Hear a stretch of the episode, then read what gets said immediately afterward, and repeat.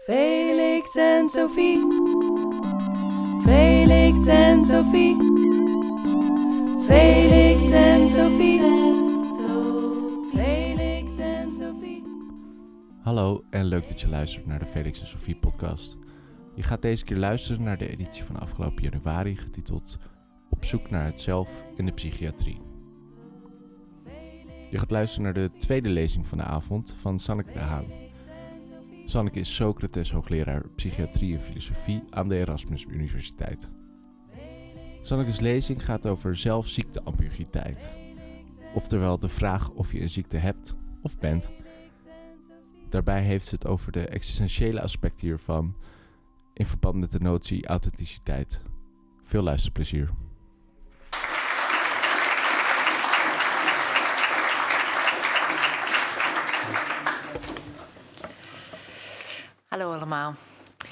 Ehm, voel ik me nu kloten of is de situatie kloten? Ehm, maken de medicijnen me nu nep of juist echt? Dat vraagt Rut, um, niet uh, haar echte naam, een van de deelnemers van mijn onderzoek, uh, zich af.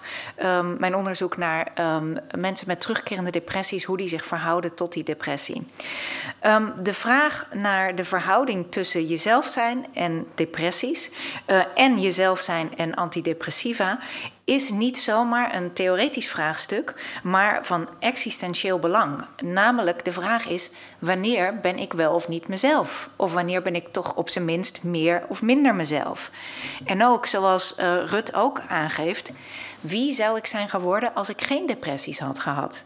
Um, want, uh, en als ik geen medicatie had gebruikt. Want met antidepressiva voel ik minder en neem ik dus ook geen beslissingen op mijn gevoel.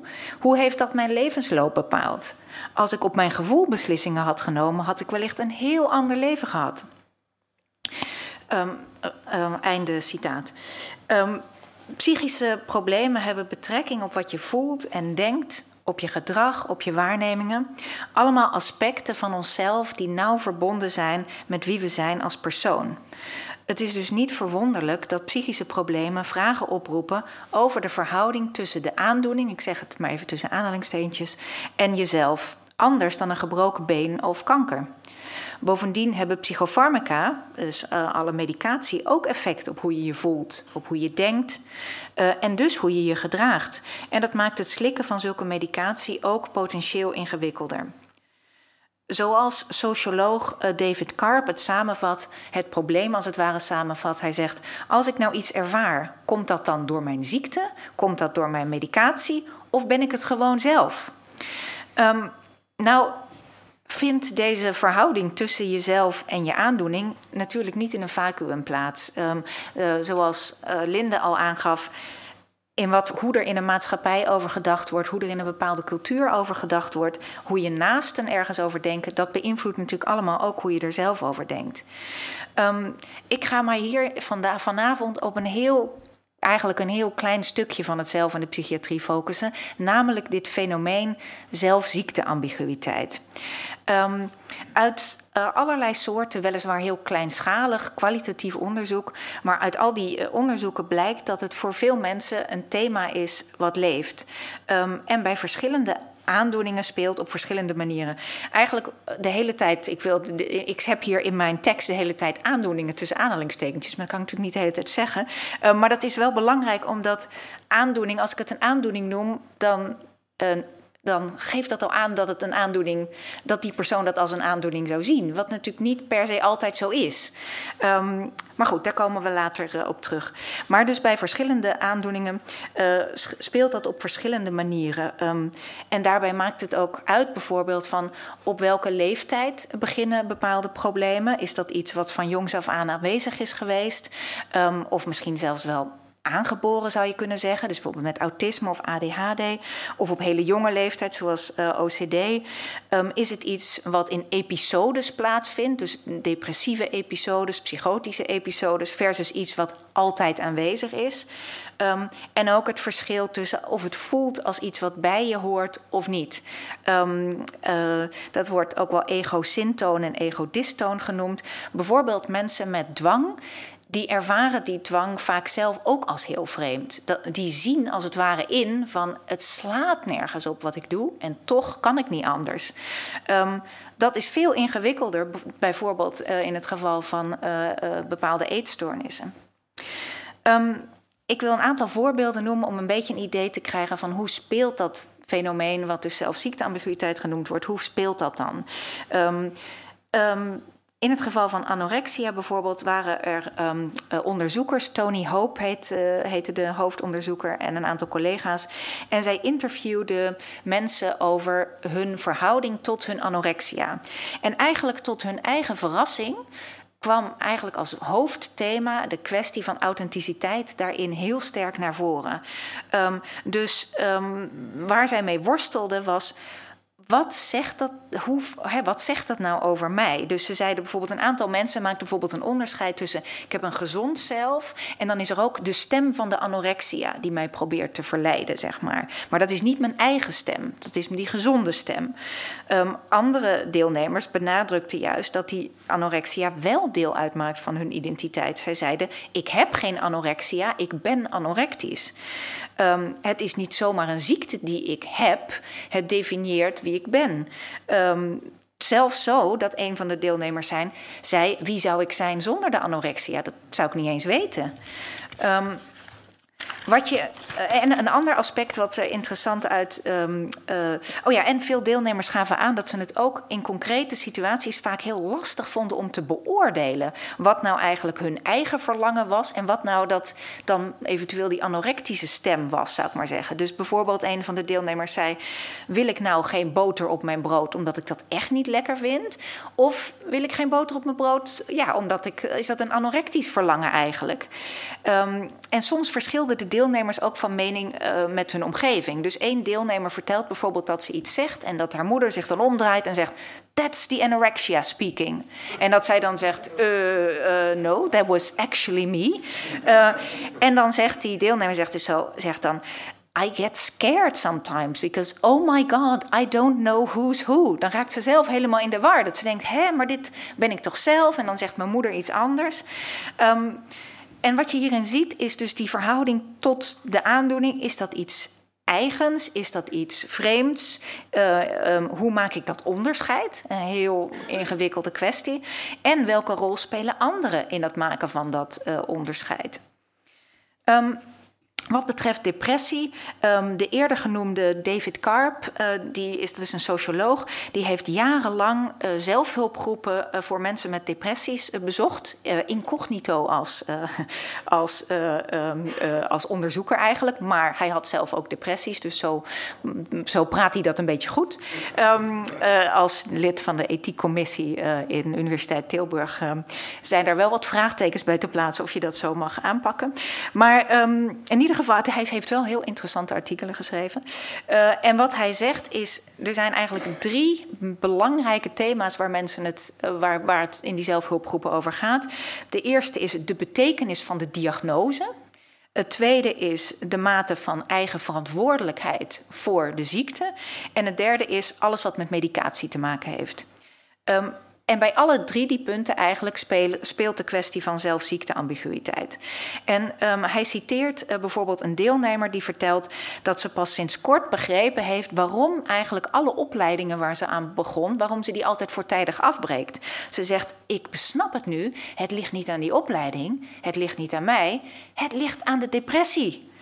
Um, en ja, daar, dat geeft denk ik heel goed weer dat die vraag tussen het zelf en de aandoening, depressie, ook verbonden is met die vraag naar verantwoordelijkheid en agency. En uh, wat mag je, wat kan je van jezelf verwachten? Wat kan je van een ander verwachten? Uh, wat, hè, wat, wat, wat, ja, hoe, hoe, hoe zit dat? Um, en ook over depressie is um, Roth Henry, um, een pseudoniem, heeft een heel mooi stuk geschreven over haar worsteling met de diagnose depressie. En eigenlijk komt het erop neer dat zij zegt: Ik verdien die diagnose helemaal niet. Die diagnose geeft mij een bepaald soort vrijbrief, terwijl ik moet gewoon een schop onder mijn kont hebben. Dit is gewoon niet, ik kan dit eigenlijk niet accepteren. Het voelt als vals spelen, zou ik maar zeggen. En ze zegt: I think I was born with the tendency to think pessimistically and to be overly sensitive and anxious. At what point did my temperament metamorphose, ik weet nooit, niet echt of je dat zo uitspreekt, maar metamorphose, um, into symptoms of a disease?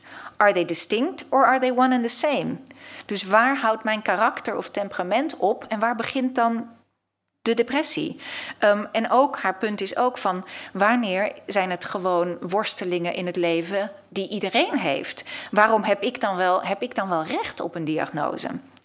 Um, en uit mijn eigen uh, onderzoek um, uh, met mensen met depressie uh, komt er nog een vraag bij, of heb ik een, heb ik, is er eigenlijk voor mijzelf een vraag bijgekomen, namelijk misschien is er wel een veel inherentere relatie tussen het zelf en depressie. Namelijk kan je de depressie zien als een soort, als een gevolg eigenlijk van een bepaalde mate van zelfverloochening en aanpassing, waarbij de depressie een soort implosie is van het zelf dat niet tot expressie komt. Het zelf dat geen ruimte inneemt. Het zelf dat uh, um, uh, zich alleen maar aanpast en verantwoordelijkheid neemt voor anderen.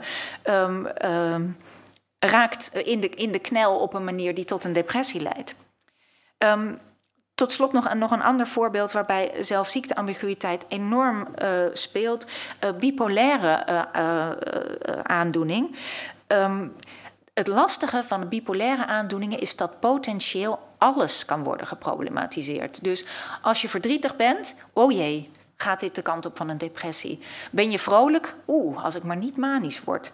Uh, alle emoties die iemand ervaart kunnen worden opgehangen aan die, uh, aan die aandoening, aan die diagnose. Maar zoals een deelnemer uit een studie van Miklovic zegt. I don't want to think that every time I have an emotion, every time I get angry at someone, it's because I'm ill. Some of my feelings are justified. En ik denk dat dit heel goed weergeeft van, ja, je wordt ook op een bepaalde manier buitenspel gezet. Als, dat gewoon allemaal, als het allemaal afgeschoven wordt op de aandoening, ja, dat is ook een vorm van wat, uh, wat um, ook wel epistemic injustice wordt genoemd. Je wordt op een bepaalde manier niet serieus genomen. Um, uh, dat laat ook zien dat een ziektenarratief, om het maar even zo te noemen, ook te dominant kan worden. Dat alles als het ware alleen nog maar vanuit dat uh, narratief bezien wordt. Dat is eigenlijk wat um, de socioloog um, uh, Irvin Goffman stigma noemt. Namelijk, alles van een persoonlijkheid wordt gereduceerd tot één aspect van die persoonlijkheid. Dit is overigens ook, kan, bij, kan ook een zelfstigma iets zijn. Het kan ook zijn dat je jezelf alleen nog maar op die manier begrijpt. Um, wat je ook, um, wat je ook ziet um, bij, bij meerdere aandoeningen is als je dus inderdaad denkt over die relatie tussen zelf en emoties, dat daar een soort link tussen is, dan is het gegeven dat heel veel psychofarmaca uh, emotionele vervlakking tot gevolg hebben, is een heel verontrustend iets. Um, uh, en iets wat uh, meerdere deelnemers uit mijn studie ook zeiden: van het voelt soms alsof ik moet kiezen tussen een functionerend zelf en een authentiek zelf. Um, Hoewel kiezen eigenlijk niet echt uh, aan de orde is, vaak omdat de depressie zo verschrikkelijk is dat eigenlijk niet gevoeld wordt dat er een keuze is. Um, goed, dit zijn een aantal voorbeelden om een indruk te geven van het soort vragen en kwesties die spelen onder de noemer zelfziekteambiguïteit. En dan heb ik het dus nog niet eens gehad over autisme, ADHD of psychotische aandoeningen. Ik wist dat uh, Linde daar ook uh, wat over ging zeggen en Jeroen ook. Uh, waarbij het zelf nou ja, ik zou niet zeggen misschien nog wel meer, maar in ieder geval nog weer ook weer op een hele complexe manieren uh, geïmpliceerd is. Um, maar laten we iets nader kijken naar dit concept. Um, eerst even over die term, zelfziekteambiguïteit.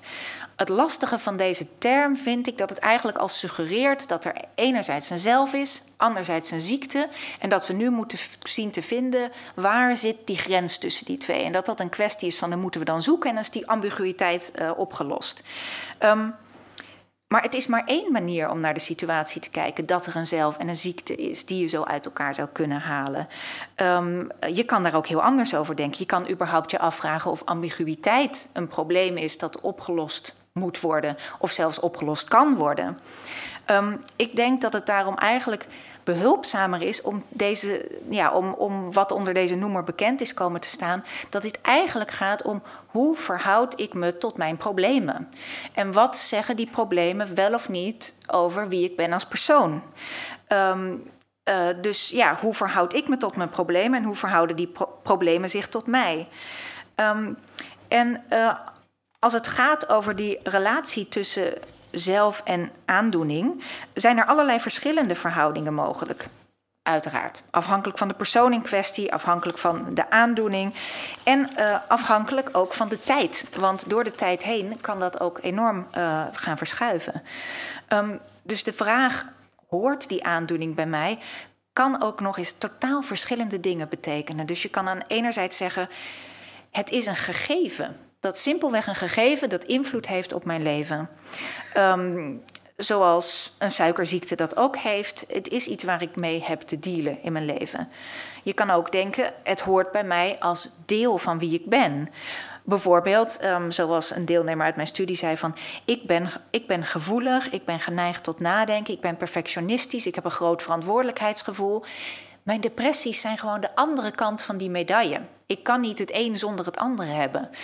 Um, er zijn ook mensen die dus meer denken, depressie bijvoorbeeld, dat is een ziek deel van mezelf, waar ik iets aan moet doen om meer mezelf te noemen. Dus daar is wel echt het idee, hoe kleiner ik de ziekte weet te maken, hoe meer uh, authentiek gezond zelf erover blijft. Bijvoorbeeld ook, ik luister niet naar die stem van die anorexia, ik luister niet naar de stem van de depressie. Um, dan zijn er nog mensen, of is er nog de verhouding waarbij je kan zeggen: het is zelfs intrinsiek aan wie ik ben. Zoals bijvoorbeeld bij autisme, waarbij je heel moeilijk kan zeggen: ja, uh, ik zonder autisme, ik bedoel, ja. Uh, wie ben ik dan of zo? Dat is een soort rare vraag eigenlijk. Maar je kan daarbij ook denken aan wie ben ik zonder de intensiteit van uh, die bijvoorbeeld bij bipol bipolaire stoornis aan de orde is. Of wie ben ik zonder anorexia? Dit is weer verbonden met hoe je denkt over wat een psychisch probleem überhaupt is. Um, dus met je ideeën over de aard van een aandoening. Zie je psychische problemen als een kwestie van toevallige random pech. Je hebt bepaalde stofjes in je hersenen die niet functioneren, of genetische pech. Um, dan heeft het veel minder met jou als persoon te maken uh, dan als je psychische problemen ziet als het een betekenisvol gevolg van bepaalde gebeurtenissen in je leven. Dus bijvoorbeeld hoe je bent opgegroeid, um, uh, in combinatie met je karakter. En er zijn natuurlijk ook combinaties denkbaar. Je kunt psychische problemen ook beschouwen als een combinatie tussen genetische en neurologische kwetsbaarheid enerzijds en bepaalde levensomstandigheden anderzijds. Um, ik denk zelf dat je psychische problemen kunt zien, of psychisch dan weer tussen aanhalingstekens, want wat zegt dat nou eigenlijk? Uh, kunt zien als vastgelopen patronen van interacties en van betekenisgeving. Patronen die in bepaalde omstandigheden zijn aangeleerd en daar hun functie hadden, maar die rigide zijn geworden en in de weg zijn gaan staan. Zowel aan hoe je bent opgegroeid als aan je genetische bagage kun je natuurlijk weinig doen. Um, maar uh, onderzoek van uh, Kwalen en uh, collega's laat zien dat het wel degelijk uitmaakt welk narratief je omarmt. Zij zeggen dat hoe meer mensen een biologisch na narratief hanteren, dus psychische aandoeningen zijn veroorzaakt door je genen of door je hersenen, dat hoe meer mensen ook het idee hebben dat er weinig aan te doen valt. Dat het niet zo goed behandelbaar is en dat mensen een soort inherent anders zijn dan de anderen. In tegenstelling tot wat, wat, wat, Jeroen ook eerder zei. Um, in vergelijking tot wanneer mensen een meer psychosociaal narratief omarmen. Um, het idee is dan, aan je genen en je hersenen kun je niks meer doen. Uh, terwijl de effecten van hoe je bent opgegroeid bent, daar zou je dan wel iets aan kunnen doen. Nou is het de vraag of dat wel klopt. Ik bedoel, het is sowieso de vraag, je hersenen zijn plastisch. En het is ontzettend moeilijk om bepaalde ingesleten patronen te veranderen. Dus of het het is de vraag of dat klopt, maar wat zij laten zien is dat de manier van denken, dat het uitmaakt hoe je over jezelf denkt. Uh, ongeacht of dat nou klopt of niet eigenlijk. Um, dus, die, dus kennelijk is een belangrijk verschil de mate waarin mensen hun, ervaren als, hun ervaring als, uh, en hun problemen als betekenisvol ervaren. Betekenisloze pech zegt niks over jou als persoon, je hebt gewoon pech. Zulke problemen kun je buiten jezelf plaatsen. Want de vraag waarom overkomt dit mij is eigenlijk niet aan de orde. Of in ieder geval beperkt van toepassing. Um, dat betekent overigens niet dat je zulke problemen uh, gewoon uh, naast je neer kan leggen, want je moet er alsnog iets mee. Maar het is in ieder geval iets wat niet zozeer op jou als persoon terugslaat. Um, dit buiten jezelf plaatsen van problemen wordt in de psychologie ook wel externaliseren genoemd. En over het algemeen heeft dat in de psychologie een slechte naam. Ehm, want het idee is, je kunt pas goed met je problemen omgaan als je ze toe-eigent, als je ze eerst oont, om het maar even zo te zeggen. Het is de vraag of dat wel altijd zo is. Um, uh, in plaats van je kop in het zand steken, wat een beetje het synoniem is geworden van externaliseren, kan je externaliseren ook zien als een manier om juist beter met je problemen om te gaan. Dus door te denken in termen van dit is de stem van de depressie of dit is de stem van de anorexia waar ik niet naar uh, wil luisteren, kan je je juist van allerlei problematische neigingen distancieren. Uh, ik moet hier niet in meegaan, ik moet dit weerstaan. Um, de filosoof en psychotherapeut Mark Rigo stelt zelfs dat externaliseren juist een hele goede strategie kan zijn om verantwoordelijkheid te nemen voor je gedrag. En dat externaliseren in die zin eigenlijk juist een vorm van ownen is. Um, bij al deze variaties en nuanceringen hoort nog een nuancering, namelijk dat iemands relatie door, tot zijn of haar problemen en tot de diagnose en tot medicatie niet statisch is. Um, het is niet iets wat je één keer uitzoekt en dan ben je klaar. Het zal door de tijd heen veranderen. Uh, waar een diagnose bijvoorbeeld in eerste instantie een enorme eye-opener kan zijn en een nieuw en helpend perspectief kan bieden op jezelf, op je verleden, op je toekomst, kan een diagnose ook gaan knellen en juist tot zelfstigma leiden. Je perkt je bijvoorbeeld van tevoren al in, want ik kan zulke dingen toch niet. Zoals een vriend van mij zei: ik kan niet naar je feestje komen, helaas, want ik heb een vermijdende persoonlijkheidsstoornis. Um, dan wordt een diagnose een self-fulfilling prophecy. Um, hij zag overigens zelf, ik moest er een beetje om lachen, maar hij had het zelf helemaal niet in de gaten in eerste instantie. Um, tot ik hem daarop wees. En zei ja, ja, ja, maar voor mij is dat echt heel moeilijk. Ja, dat is ook waar. Dat is ook waar. Um, uit onderzoek van um, ehm, en Gunnacelen uh, blijkt zelfs dat hoe meer mensen zich met een diagnose identificeren, hoe meer stigma en zelfstigma ze ervaarden. Um, um, dat maakt niet, neemt niet weg dat het ook echt moeilijk is om, uh, zoals jij ook al aangaf, Linde, ook, het is ook moeilijk om er als het ware vanaf te komen. Um, ook voor je zelfbegrip, omdat iets wat zo lang bepalend is geweest voor je blik op jezelf, uh, is ook moeilijk om, en uh, hoe anderen je zien en benaderen, niet te vergeten, is moeilijk om vanaf te komen. Hoe moet het dan wel? Zijn er geen strategieën voor? Um, ja, ik zou haast willen zeggen, daar is uiteraard geen eenduidig antwoord op te geven. In ieder geval niet als je een filosoof vraagt. Uit, maar ik kan wel zeggen dat uit mijn onderzoek, um, uh, dit gaat dus specifiek over mensen met depressies, daar kwamen een soort van grofweg drie strategieën naar voren die veel uh, voorkwamen. Haast iedereen deed aan een vorm van zelfmonitoring. Um, heb ik nu alweer een negatieve gedachte? Oeh, gisteren ook al. Oh, ik heb geen zin om naar dat feestje te gaan. Is dat een normale geen zin in? Of is dat een aankondiging van een depressie geen zin in? Um, die zelfmonitoring gaat vaak hand in hand met een soort handleiding die mensen voor zichzelf hebben opgesteld in de loop van, hun, van de jaren. Uh, een depressie omdat een depressie zo verschrikkelijk is, is mensen er heel veel aan gelegen om dat niet nog een keer mee te maken. En dus proberen ze op allerlei manieren uit te vinden wat werkt voor mij. En dan komen er dingen van uh, wat, of tenminste laat ik zo zeggen, wat vergroot de risico's en wat verkleint de risico's, toch tenminste iets. Dus dan gaat het over dingen als belang van voldoende slaap, bijvoorbeeld geen alcohol drinken, jezelf altijd dwingen om de fiets te nemen zodat je blijft bewegen, niet te veel sociale activiteiten inplannen, maar ook niet te weinig. Zoals u zich kunt voorstellen, is zulke zelfmonitoring ook dodelijk vermoeiend. Want je bent jezelf voortdurend aan het screenen. Um, en niet alleen dodelijk vermoeiend, maar misschien nog wel fundamenteler dan dat, is een punt wat een van mijn deelnemers opmerkte, namelijk dat ze altijd aan zichzelf aan het werk was. Ze zei: Eigenlijk ben ik een soort voortdurend work in progress. En wat je dan eigenlijk het onderliggende betekenis daarvan is dat je dus niet goed genoeg bent zoals je bent. Um, en verschillende deelnemers aan mijn studie vertelden over een beweging die ze hadden doorgemaakt van vechten, vechten, vechten naar een vorm van acceptatie. Uh, of zoals Sietske uh, het verwoordt, ik dacht altijd, het zal toch nog wel weer wat beter worden. Dat kun je jaren zeggen. Maar toen dacht ik, wat nou als dit het is? Als dit het startpunt of het eindpunt is, dit is het. Ik ben altijd een vechter geweest. En je houdt in stand waar je tegen vecht, zeggen ze. En dat is eigenlijk, klopt dat? Als ik ergens constant tegenin ga, blijft het bestaan. Als ik leer om te zeggen: het is oké dat het bestaat, dan bouw je een ontspanning in. Ehm, acceptatie betekent overigens echt verschillende dingen voor verschillende mensen. Maar wat je wel over het algemeen kan zeggen, is dat mensen steeds meer zien het belang van een andere en mildere houding tegenover zichzelf. Omdat in zekere zin de voortdurende kritiek die ze op zichzelf hebben en die voortdurende kritische zelfmonitoring het probleem misschien wel mede in stand houdt of deel wordt van het probleem.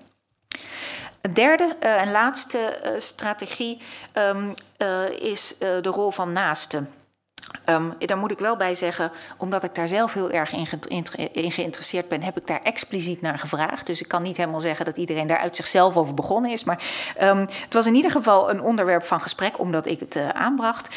Um, uh, en voor sommige deelnemers is die rol, vaak een partner of kinderen of uh, een broer of een zus, erg belangrijk. daar moet ik wel ook bij zeggen dat voor veel mensen ook juist de intense eenzaamheid. Niet alleen van de, ervaring van depressie, maar ook het gevoel van dat mensen niet echt begrijpen wat je doormaakt in een depressie, uh, heel fundamenteel is. Um, maar die rol van naaste als een soort van niet zelfmonitoring, maar eigenlijk monitoring, ja, je zou kunnen zeggen by proxy, um, uh, die komt wel regelmatig uh, naar voren. Dus zij hebben bijvoorbeeld eerder dan een persoon zelf in de gaten wanneer die dreigt af te glijden, om het maar zo te zeggen. Dus uh, een zoon die bijvoorbeeld zegt: Ik zie het aan je WhatsApp-berichtjes. die worden een soort van anders van toon en zorgelijker. of een partner die zegt: Je wordt kribbiger. een vriend die opbelt van: Ik heb al zo lang niks van je gehoord. Gaat het eigenlijk wel goed? Um, en zo kunnen naasten ook helpen in die zoektocht om jezelf te zijn. Dat is natuurlijk een precaire aangelegenheid. En um, ik heb uh, met uh, Justin afgesproken dat ik het onderwerp authenticiteit mocht doorschuiven naar de tafeldiscussie, omdat ik al veel te lang aan het woord ben en niet ook nog allemaal dingen over authenticiteit nu kan zeggen. Um, dus als laatste punt wat ik nog eigenlijk wilde zeggen is een hele een korte algemene opmerking, of eigenlijk een oproep. Uh, namelijk dat kwesties zoals zelfziekteambiguïteit en zelfmedicatieambiguïteit, dat zijn geen excentrische, filosofische spielerijen, maar die horen tot de, mede tot de kern van psychische problemen. Naast het biologische, het psychologische en het sociale, zoals dat het door het biopsychosociale model wordt voorgesteld, moeten we ook de existentiële dimensie van psychische problemen erkennen en minstens even serieus nemen. Want dat wij mensen niet alleen dingen ervaren, maar ons bovendien tot die ervaringen verhouden, um, is uh, voor, nou, in ieder geval wordt door veel filosofen gezien als essentieel voor het mens zijn. Ik noem even een soort van name-dropping rijtje van uh, Aristoteles, Plessner, Heidegger, Charles Taylor. Um, en de psychiater en filosoof Thomas Fuchs stelt zelfs dat deze mogelijkheid, dus het, het je verhouden en de noodzaak ook om het je tot je ver, ervaringen te verhouden, eigenlijk zelfs de ontstaansvoorwaarde is voor psychische problemen. Juist doordat we niet met onszelf en onze situatie samenvallen, ontstaat die mogelijkheid van existentiële angst en wanhoop. En als de psychiatrie recht wil doen aan de mens in al haar complexiteit, dan mogen we deze existentiële dimensie niet vergeten. Dat was.